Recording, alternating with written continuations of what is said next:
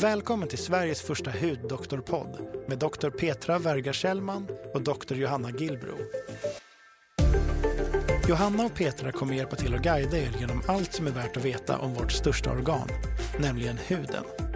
Här pratar de om aktuella ämnen, svarar på lyssnarnas frågor, sorterar bland myterna och diskuterar den senaste forskningen när det gäller hud, hudsjukdomar och hudvård. Den här podcasten presenteras i samarbete med Skinom och Diagnostiskt Centrum Hud. God morgon Petra. God morgon Johanna. Har du sovit gott? Ja. Eller jo, jo det har jag faktiskt. Ja. Hur har, sover du bra? Eller så? Mm, nej, inte alltid. Du gör inte eh, nej, jag sover bra ibland och sen så sover jag mindre bra ibland. Och eh, jag har blivit mycket mer så känslig att minsta lilla, om jag typ är stressad och sådana saker eller har massa så här saker jag tänker på så sover jag väldigt mycket Ah. sämre. Vaknar tidigt framförallt. Har aldrig problem att somna men vaknar tyvärr ibland lite för tidigt. Du då? Jag, jag har ju alltid sovit jätte, jätte, jättebra. Eh, och sen hade jag en period nu, jag har haft en period kanske under ja, några år där jag har haft ja, men lite mer problem med sömnen. Men nu tycker jag ändå att det har blivit väldigt mycket bättre. Mm. Nej, jag har också alltid sovit utmärkt, men, men de sista åren, det kan ju ha med många olika saker att göra. Hur Men kanske stress också. Ja, jo, men stress, men absolut. Men jag har varit stressad förr också. Jag tror att alltså, fasiken, åren går liksom. Ja, så är det. Så är det, den bittra sanningen. Men, eh, men eh, idag ska vi faktiskt prata lite om håravfall. Ja. Som ju faktiskt är ett, ett ganska vad ska jag säga, ett ganska, ja, ett ganska utbrett problem. Eh, att många tappar hår i perioder och så vidare. Så att, eh, jag tänkte att vi skulle reda lite grann i, i de där olika eh, för- funderingarna där. Eh, och varför jag, vi tar upp det bland annat är också kopplat till stress också faktiskt. Om man tittar på håravfallen då tänker jag, finns det ju olika sorters håravfall. Mm. Det vanligaste, och det är väl det som jag tänker på i första hand, är ju kanske så här diffust håravfall. Och nu tänker jag i första hand prata om eh, kvinnligt håravfall faktiskt. Det manliga håravfallet, vi ska berö- beröra det också, men, men det, är ju, det har ju lite andra mekanismer Ja. faktiskt. Det manliga håravfallet, kanske ska ta det först, det, det kan man säga det är högst ärftligt. Och det behöver ju inte vara så att det är precis just pappa, det kan ju finnas, man kan ju ärva gener från andra släktingar också. Men där har man ju mekanismen och orsaken där är ju att hårsäckarna blir lite överkänsliga mot testosteron helt enkelt, det manliga könshormonet. Och den, den där känsligheten är ärftlig. Så att har man sådana hårsäckar så kommer det vanliga testosteronet, det, det är tyvärr inte riktigt så att oh, alla som män som tappar håren har mer testosteron utan det, det är kanske en myt som en del män önskar vore sanna. Men det är ganska, de flesta har ganska mycket, eller liksom det är ganska det är inte testosteronmängderna som skiljer sig åt utan det är hårsäckens känslighet för det befintliga testosteronet. Då. Så, att, så att har man känsliga hårsäckar så, så svarar de tyvärr då lite felaktigt på testosteron och typ tillbakabildas och så tappar man håret. Liksom. Och det, är- ja, det, är super, det är ju extremt vanligt men eh, det är ju ingen Hur sjukdom. många procent ungefär? Tror Nej, du? men alltså jag tror att det beror på vilken ålder, men tittar vi uppåt eh, medelåldern, vad den nu är, så kan ju över upp till hälften av alla män ha mer eller Ja. Håravfall. Liksom. Så att, eh, sen kan det ju börja, det kan börja tidigt. Vi har ju alltså patienter ibland som söker som bara är kanske så här 18, 19, 20 år Ja. och börjar tappa håret. Det är ju klart att det är känsligt och jättetråkigt och många gånger stressafyllt för dem unga männen, men det är inte så himla mycket man kan göra åt det. Det finns ju lite behandlingar man kan pröva för att, för att skjuta liksom håravfallet framåt lite. Men eh, det finns ingen liksom behandling som stoppar upp det eller kan Nej. få det att sluta eller så helt och hållet. Utan, så. Men som sagt var, det där är ju inte så himla många som kanske ändå söker för det, för det är man ju relativt van, eller liksom, man förstår kanske vad, som händer i alla fall. Men det är klart, en del unga. Men om vi tar det som jag tycker att många, framförallt kvinnor, kanske söker för, så är det ju just diffust håravfall. Där man helt enkelt upptäcker plötsligt att man tappar fruktansvärt mycket hår. Vi tappar ju hår varje dag. Vi tappar liksom eh, 50, 100, 150, jag vet inte, det är olika mm. hårstrån om dagen. Men i perioder så kan vi alltså tappa mycket, mycket mer och har man då kanske mycket hår, tjockt hår, så är det många som kan uppleva, kommer säga att jag har tappat typ så en tredjedel av mitt hår. Liksom. Mm. Och det är säkert så. Eh, och det finns olika skäl till det, då, de olika mekanismer varför man då kan få ett sånt här diffust håravfall. Och jag skulle säga att eh, för det första är det vanligt att det går lite i cykler också, så att i vissa perioder så tappar vi faktiskt bara mer hår. Liksom. Mm. Det, det, är inget farligt. Eh, och sen kan det vara då olika skäl då till att man plötsligt får eh, ett, ett upplevt ökat håravfall. Och en av de vanligaste det kan ju vara så graviditet och amning. Ja. Det vet ju säkert de flesta om. Så det är inte så himla många som söker för det tycker jag. För det känns som att man är ganska medveten om det. Men, och så vet man att det håller på ett tag och sen så kommer det tillbaka. Mm. Eh, det andra är ju någonting som kanske inte är lika känt, men det är ju efter man säger någon form av kraftig stress. Det kan vara allt från att man har varit kraftigt sjuk, alltså då menar jag bara en så influensa eller någonting. Så svår influensa kommer ju mycket förstås efter covid också. Mm. Man har haft hög feber i flera dagar. Tre till sex månader efteråt så påbörjas då ett kraftigt håravfall. Liksom. Det är som att alla hårsäckarna, när man får sån där feber, så är det som att alla hårsäckarna plötsligt stannar till. Liksom. De bara blir, de blir liksom paralyserade så att då är det som att man inte tappar så mycket hår på ett tag och sen kommer liksom allt på en gång istället. Det upplevs många gånger väldigt stressfyllt, alltså väldigt läskigt för patienterna. De är rädda och tror förstås att man ska tappa allt hår eller så. Det kan jag alltid säga i princip att har man ett diffust håravfall man tappar aldrig allt hår. Mm. Man kan tappa allt hår om man har en sjukdom som heter alopecia areata, men den ter sig helt annorlunda. Men jag ska tänka att vi tar den också, men jag tänker hålla mig kvar lite vid det här just diffusa håravfallet som är skrämmande många gånger på det sättet att man tror att man ska tappa allt hår. Det händer aldrig. Mm. Men efter, och jag menar, jag säger kraftig feber och, och så här, det kan också vara en kraftig akut stress med allt vad det ja, som dödsfall i familjen, skilsmässor, whatever liksom som händer som en, en kraftigt ökat stresspåslag då under perioder som kan, kan ge samma effekt.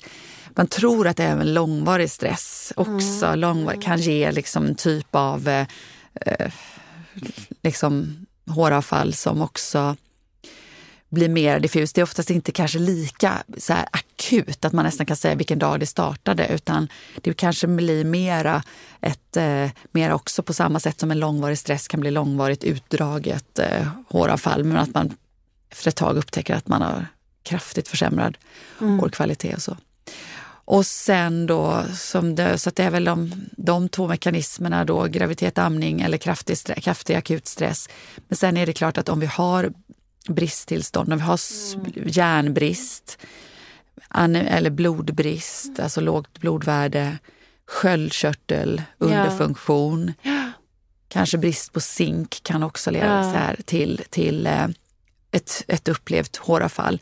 Det brukar inte vara så där urakut som det där stressutlösta håravfallet, men kan ändå eh, upplevas, eh, ja det, det, kanske går mer över tid så, men, men just de här faktorerna, är det så att patienter söker för det här diffusa håravfallet, man tycker att man bara tappar hår, det är hår överallt, det är hår i duschen, det är hår på kudden, det är hår när man borstar, så är det just de här tre sakerna egentligen som vi brukar kolla upp. Mm eller jag ska säga så här, de här tre sakerna vi brukar prata om och sen de här provtagningarna vi brukar göra, alltså blodvärde, sköldkörtel, järn, zink och så vidare.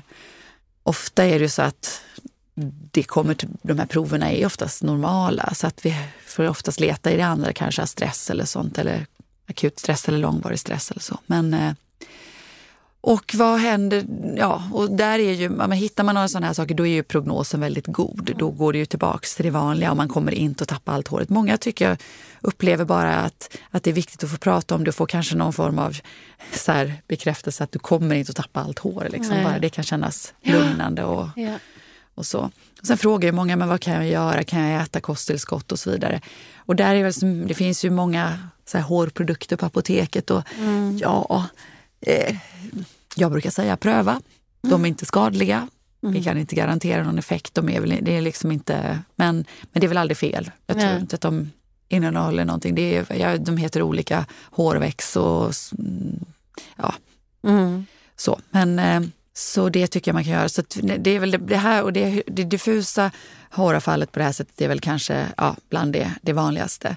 Sen finns det ju fläckvis håravfall Ja. också och det är ju är kanske på ett sätt ännu mer skrämmande. Du upptäcker helt plötsligt kala fläckar i håret. Det här kan ju trappa, eh, drabba både män och kvinnor. Och där menar man ju att det är en autoimmun process på ett helt annat sätt. Här finns ju att immunförsvaret på något sätt attackerar hårsäckarna. Och då får man kala fläckar och det är ju helt väsensskilt från det här andra diffusa håravfallet. Eh, och där får man, det är där också, det, det, det som är sorgligt ibland med håravfall är att det inte alltid finns så himla mycket att göra. Nej. Eh, har man få fläckar, eh, några få fläckar som kommer så är det oftast ganska gynnsamt för att eh, många, många som får enstaka små fläckar, det läker faktiskt ut spontant. Ja, det går exakt. tillbaka av sig självt.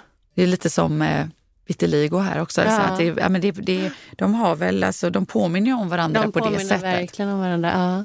Och det som är intressant är när om man får en spontan återtillväxt av håret, då är det alltid egentligen vitt.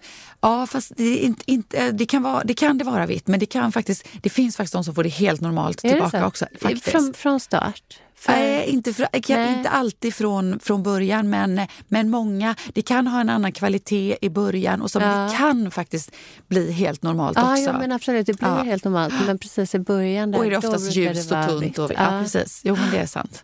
Men jag tänker slutresultatet kan ändå Ja, ja, vara. Men, men visst är det en del som får bara också fjösigt hår på Ja. liksom, de fläckarna. Så det, det varierar lite grann. Vi brukar ju ändå alltid försöka ge någon form av behandling. Då till exempel, egentligen det enda man ger är ju kortisonlösning. Att, att smörja på området. Det känns som att man vill Betnovat göra någonting. eller någonting. El, Betnovat eller Ja. Dermovat eller så. Ja, någon av de här starka eller extra starka kortisonet. Mm. För man vill dämpa eh, den här eh, immunförsvarsreaktionen. Eh, det är klart att man skulle kunna äta ko- kortison, då är vi på tillbaka på det här. Det gäller ju med vitiligo också. Man Mm. Ja. skulle kunna äta kortison men det har så, man kan inte, ha- det har så mycket negativa effekter så att Mm. det, det, det är inte en framkomlig väg. Liksom, för då får man massor av andra biverkningar. Eh, så, men man kan smörja på det lokalt och man kan också pröva ibland att ge injektioner med kortison i kanterna liksom där, Ja, där fläcken så att säga slutar för att det inte ska spridas vidare. Men bägge de här metoderna är inte supervetenskapliga. Det är det Nej. vi gör men det är inte så att man kan bevisa någon liksom supereffekt utan ibland skulle mitt råd nog vara om man får små fläckar att låta det vara. Och låta, men jag tror ingen riktigt vågar det så att vi, vi ger ändå någon form, vi ger kortisonlösning i alla fall för att känna att vi har gjort det vi kan i alla fall. Och hur, hur ofta skulle du säga, liksom procentuellt, hur ofta är det en spontan tillväxt tillbaks? Men jag kan tycka att är det små fläckar och enstaka så är det ganska ofta Ja. faktiskt. Men det betyder inte att du inte kan drabbas av det igen Nej, efter både något år eller så. Och så. En del har någon fläck som kommer och går lite granna. En del Ja. har så här... eh, Men, men några småfläckar som kommer och går brukar ytterst sällan i alla fall leda till att man så tappar allt håret. För det är väl det många såklart är väldigt oroliga för. Att man ska bli, få det som inte då heter alopecia areata utan alopecia totalis. Att man tappar allt hår på huvudet. Och även då tappar övrig Ja. hår som ögonbryn ögonfransar och, och sånt. Och då heter det alopecia universalis. Och det, det är ju klart skräcken för många och det förstår jag verkligen. Ja. Det, men eh, problemet med de här tillstånden är att de är väldigt, väldigt svåra att behandla och att man kan nästan, man kan inte förebygga. Mm.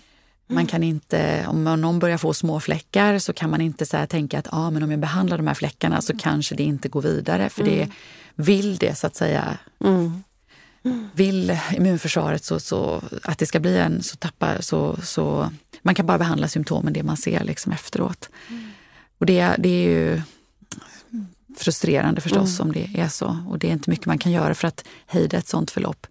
Det som gör också ett av skälen att vi lite kanske tar upp det här ämnet just idag är ju att, för det låter ju så pessimistiskt, men det har ju kommit ett eh, läkemedel eh, idag nu som alltså det har funnits ett tag visserligen och används för eh, att svårt atopiskt eksem. Eh, och man har ju nu fått godkänd indikation för att behandla även medelsvår till svår alopeci. Då pratar jag om de här fläckvisa autoimmuna. Det hjälper inte på diffust håravfall eller något sånt där. Nej. Utan den här autoimmuna, autoimmuna ja. varianten.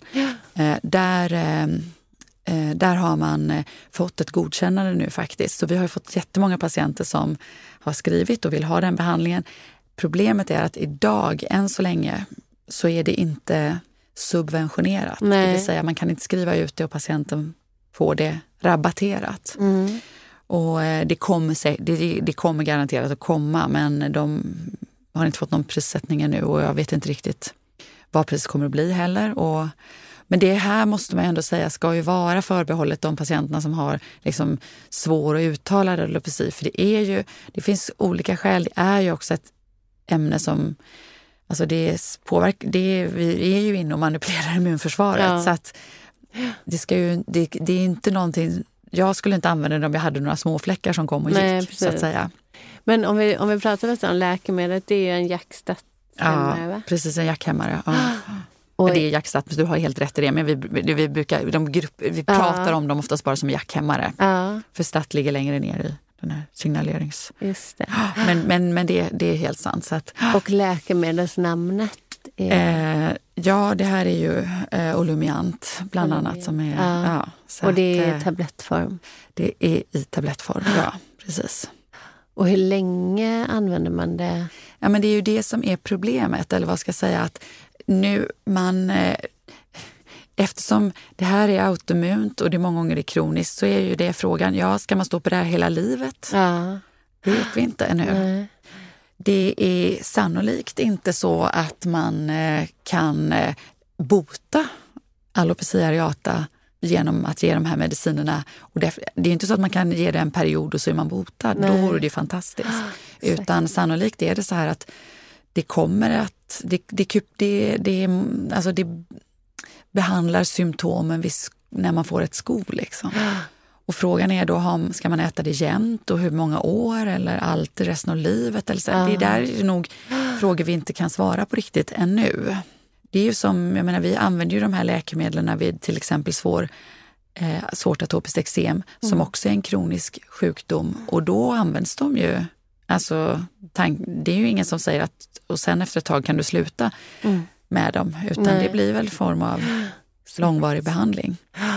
Och det är ju, där kan man säga så här, både att det är, en, det är en långvarig behandling där vi påverkar vårt immunförsvar mm. och det är också en kostsam behandling. Mm. Och eh, det är klart att, nu kanske det här är lite kontroversiellt, men många människor, jag säger inte alls vad jag själv står i frågan, men många människor tycker att ska vi behandla ett eh, ett liksom ofarligt, det är ju inte farligt att tappa nej, håret, nej. tillstånd med jättedyra läkemedel som, som det liksom allmänna ska bekosta när vi inte har råd med sjukvård. Det finns mycket sådana diskussioner. Ja. Och jag säger, jag kan förstå den, den eh, inputen. Men jag kan också se att den, för den som är drabbad så är det väldigt mm. jobbigt. Så att, men det är väldigt svåra frågor. Jag tänker det kommer, jag bara säger, jag tänker, ja, det kommer komma mer och mer sådana här. För jag tänker varje gång det är tänker på Almedalen och sånt där, där är ju mycket sådana frågor, ja. som är ett typ stort debattforum. Liksom, för ja.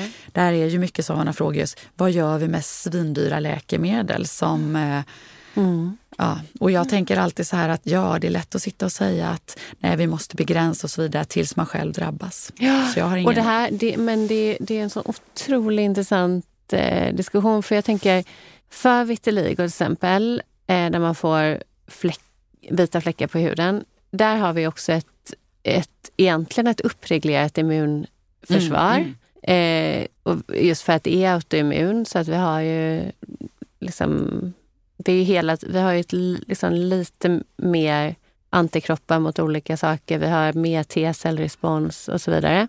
Eh, men där har man ju faktiskt sett, vi har ju pratat om den studien, ah.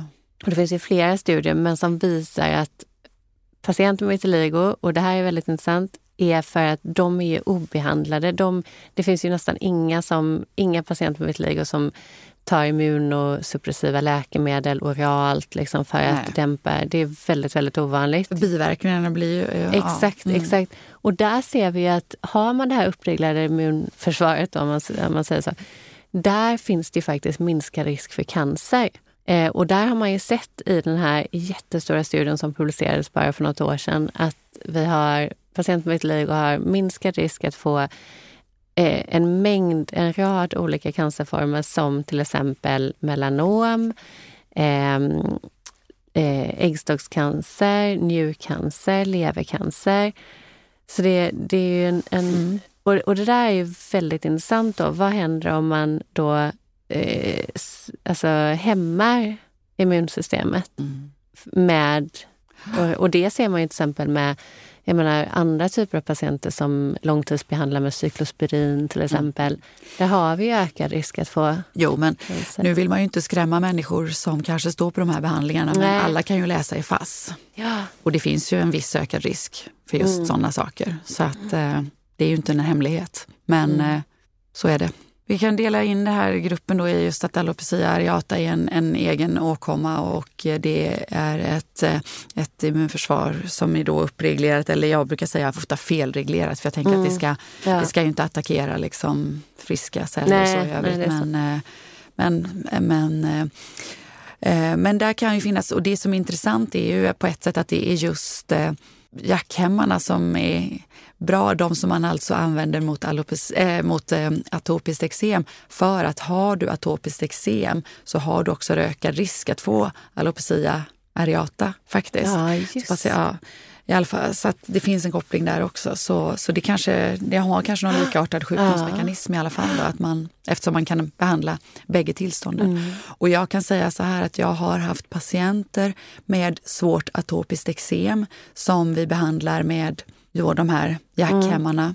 som också har alopecia areata parallellt. Och, men det atopiska eksemet som vi har behandlat. Men alopecian har ja. faktiskt eh, eh, gått tillbaka, gått tillbaka också med, med jackhämmare. Ja, så att, eh, så det, det, det är väl någon form ja. av liknande sjukdomsmekanism och det har eh, eh god effekt, eh, kan ha god effekt på bägge tillstånden. Då, så, att, så det är ändå väldigt intressant ja, och lovande. För, att, för de patienter som har tappar, alltså, får stora ut, utbredda alopecia areata så är det ju ett väldigt trauma och väldigt, väldigt eh, mm. stressfyllt även om det inte är dödslivshotande. Ja, men det, det kan man verkligen förstå. Ja. Så, att, nej men så det var väl de, tänker jag. Alltså, ja, så att det, om det är vanligt diffust håravfall så kan jag tycka så här, ta prover men sitt i båten. Ja. är det, det kommer tillbaka. Och är det, eh, och är det då alopecia areata, ja då får man liksom pröva lite mm. olika behandlingar. Men mycket av det kan också faktiskt spontanläka. Men sen har vi ju faktiskt då även bland kvinnor eh, håravfall som inte faller riktigt under någon av de här kategorierna. Och då tänker jag att även kvinnor kan ju faktiskt drabbas av manligt håravfall. Mm. Kanske 10 procent av alla kvinnor som har... Är det så många? Ja, upp till kanske. Men, mm. ja, kan då eh, uppleva då en uttunning av håret. Mm. Eh, och man kan tycka att man ser hårbotten igenom och lite sådana ja. saker. Faktiskt. Det kommer oftast, det låter väldigt mycket med 10% men jag har faktiskt läst det någonstans att det var runt 10% men jag skulle nog känna att spontant skulle jag inte gissat det i alla fall för att det känns inte som att det är fullt så många kvinnor. Men är det också att man är känslig mot testosteronet? Ja, ja det är samma mekanism. Mm. Dock har vi ju lite en annan hormonprofil så det ja. blir inte riktigt lika uttalat som hos männen. Vi får, kvinnor, får, kvinnor kan upp, få lite vikar ja. och liksom lite tunt om man säger mitt på gässan men får aldrig ett, liksom, att de blir skalliga på ett sådant sätt Nej. som män blir. Sådant mönster är det inte. Men, eh, och det, det kan ju göra många ledsna men och det är också väldigt svårbehandlat. Mm. Där gör man ju, det man kan pröva är ju egentligen samma som till männen, då det här minoxidil och sånt. Ja. Det är egentligen det enda vi kan rekommendera. Och eh, vad är din erfarenhet av eh, hårtransplantationer?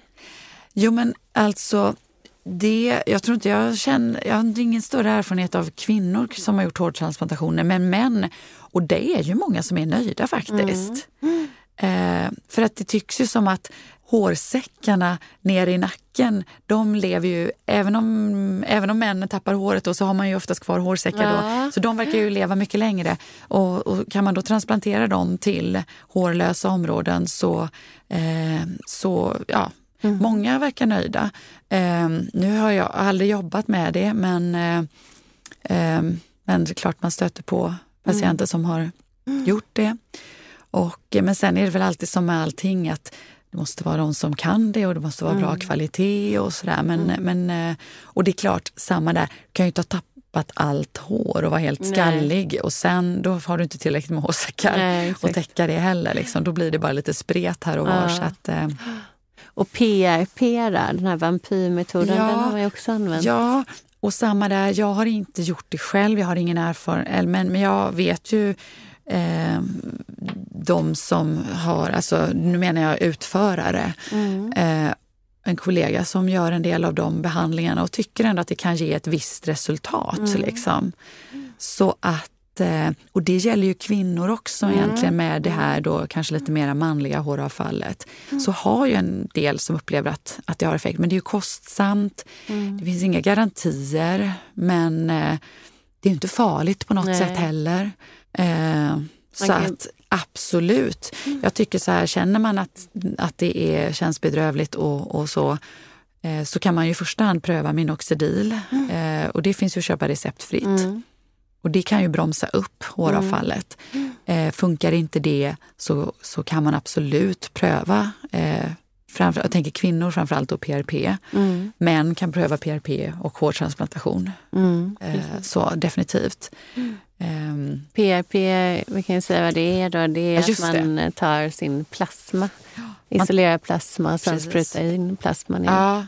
Man tar helt enkelt, så rent praktiskt, jag har sett hur, eh, så tar man, man tar som ett blodprov. Liksom. Ja. Och sen så centrifugerar man då så att blodkropparna hamnar längst ner och sen så får man det här vita, precis som du säger, blodplasman. Mm. Eh, och sen så kan man på olika sätt då med sprutor eller eh, så spruta in det då i hårbotten. Och det som är, varför, varför använda blodplasma? För att där finns väldigt mycket tillväxtfaktorer. Mm. Då, mm. Så att man menar på att de skulle kunna då stimulera hårsäckarna till att pigga på sig mm. igen. Då. Och, mm. ja, men många säger det, det finns ändå en del som är nöjda, absolut. Så att eh, Eh, men det är kanske inte en metod som... Ja, men det, det, kommer, det är som allting, det kommer inte att funka på alla men Nej. det funkar på en del. Och, eh, så att eh, det kan vara värt mm. att pröva i alla fall, eller värt att diskutera med de som gör de behandlingarna. Mm. Och så se, det får väl inte vara för mycket håravfall helt enkelt. Nej, och det verkar inte ha särskilt stor plats däremot på alopecia areata nej. och inte på det här diffusa håravfallet heller. Då säger jag så här återigen, men det diffusa håravfallet, sitt i båten, det kommer tillbaka. Äh. Om, då kommer vi till nästa då. Eh, nu har vi pratat lite om det manliga, även kvinnor kan få manligt håravfall. Och sen har vi det här tråkiga att med åldern så blir ju håret tunnare och risigare. Så att det finns ju de som kommer i liksom, kan man säga, ja, säga, tråkigt klimakterieålder eller ännu äldre ibland. Och det, jag har en, haft en del äldre patienter, eh, piffiga kvinnor som mm. har haft jättefint hår och som sen tappar håret och så tycker man att man har ingenting kvar och hårkvaliteten är dålig och så vidare. Och visst, självklart så behöver man kolla även där så att det inte finns då bakomliggande järnbrist mm. och sånt där. Men men tyvärr är det ju så att är man 75 eller 80 år mm. och tappat sitt hårsvall så kan det tyvärr också bara förklaras med att det är en del av det naturliga mm. åldrandet. Så det, allt går inte att fixa. Men, eh, men givetvis så bör man väl titta på så att det inte finns någon bakomliggande ja. orsak.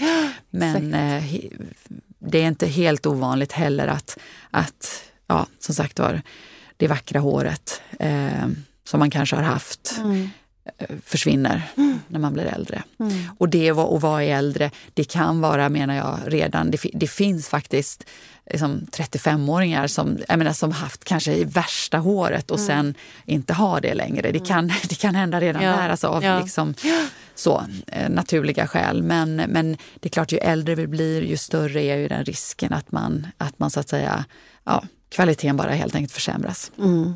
Och det är tråkigt. Men eh, det, just det är inte så heller så mycket man kan göra åt. Vi försöker ibland, om det hos äldre kvinnor kan det ibland vara kopplat med kanske en del klåda och rodnad i hårbotten och så. Då kan man ju ibland försöka behandla med kortison till exempel. Så att, att, eh, att det, men eh, det kan ha, det har, har begränsad effekt på just återväxten liksom, på året. Och sen bara tänker jag, det är så många som tror också att åh, man har eksem och psoriasis och massa sådana där saker i hårbotten. Och så kanske man tappar håret av det. Och det är ju däremot förvånansvärt, tycker jag, pa- paradoxalt ibland. För jag kan ha patienter med extremt uttalad psoriasis i hårbotten som inte tappar ett hårstrå. Liksom. Så det, det, Och det där är ju, för där tror jag faktiskt att det handlar om inflammation. För inflammation kan ju också, det, det är också på ett sätt tillväxtfaktorer i, i cytokiner och sådär. kanske Och det kan ju faktiskt också trigga olika mekanismer, kanske till och med trigga hårväxt. Ja, vem vet, vem vet. Men för det, för det är inte alls, alltså att, att ha utbredd psoriasis till exempel i hårbotten är inte alls någonting som är kopplat till att tappa håret. Nej. Sen kommer det alltid finnas enstaka, ja, men, men, eller, eller till exempel uttalade eksem. Jag menar, man kan läsa om att, att, att eh, en del patienter som sagt var med de här hudsjukdomarna, eh, om det är uttalat i hårbotten, skulle tappa mycket hår. Och klart, absolut har jag sett enstaka, men jag har sett förvånansvärt många Ja. som inte tappar hår. Patienter som kommer och säger att jag har kanske värst, jättefint hårsvall eller, eller jag menar helt normalt hår också, bara, som eh, eh, säger jag har jättemycket psoriasis i hårbotten. Jaha, tänker man. Och så, och så eh, ja okej, får vi titta. Och så är det som ett Alltså det kan vara helt vitt, som ett stort pansar bara, men håret är inte påverkat. Så det behöver inte alls påverkas. Det kan man bli förvånad över tycker jag. Men, eh, så att, eh, ja, det, det, det, är ett, det är ett ganska stort och faktiskt ganska viktigt ämne för det är jobbigt för många, det här med håret. Det är ändå en del av vår personlighet. Ja, så att, eh, och jag kan förstå det och tappa ögonfransar och, Ja, och ögonbryn och sånt. Det är, men, och det är klart att gör man det, det är klart att man ska gå till doktorn och gå till en hudläkare. Men man ska vara beredd på att det inte alltid är, det går inte alltid superlätt att bara fixa. Nej. Men det finns olika saker man kan pröva innan och bör ha prövat och tittat på innan man ger upp i alla fall. Ja. Ja, men det var- mycket om håret men här nu. Jag bara det var- pratar, pratar, Nej, men det var pratar. jättebra Petra. Jag tror Ja, men jag tänker att det är så viktigt också, för det är så, faktiskt många som frågar. Ja, nej, men eh, det var jättemycket jättebra information. Ja. Verkligen. Ibland, Tack så mycket. ibland blir det lite mera så här, du blev det här supermedicinskt. Men, Ja, men det var, det var Ja. jättebra. Jag tror många har, och vi har ju som sagt fått mycket frågor om det här också till ja, vår mejl. jo, precis. Och så kommer de här läkemedlen nu också som en del har frågor kring. Så att jag hoppas att de har, har god effekt. för Ja. Ja, nej men eh, nu så får vi eh, gå vidare i vår dag Johanna och sen ses vi snart här igen och ja, men det gör vi. spela in nya avsnitt. Och alla får gärna fortsätta skicka frågor och, och Ja, förslag på vad vi ska prata om. exakt. älskar Då det. är det hudoktorerna.gmail.com.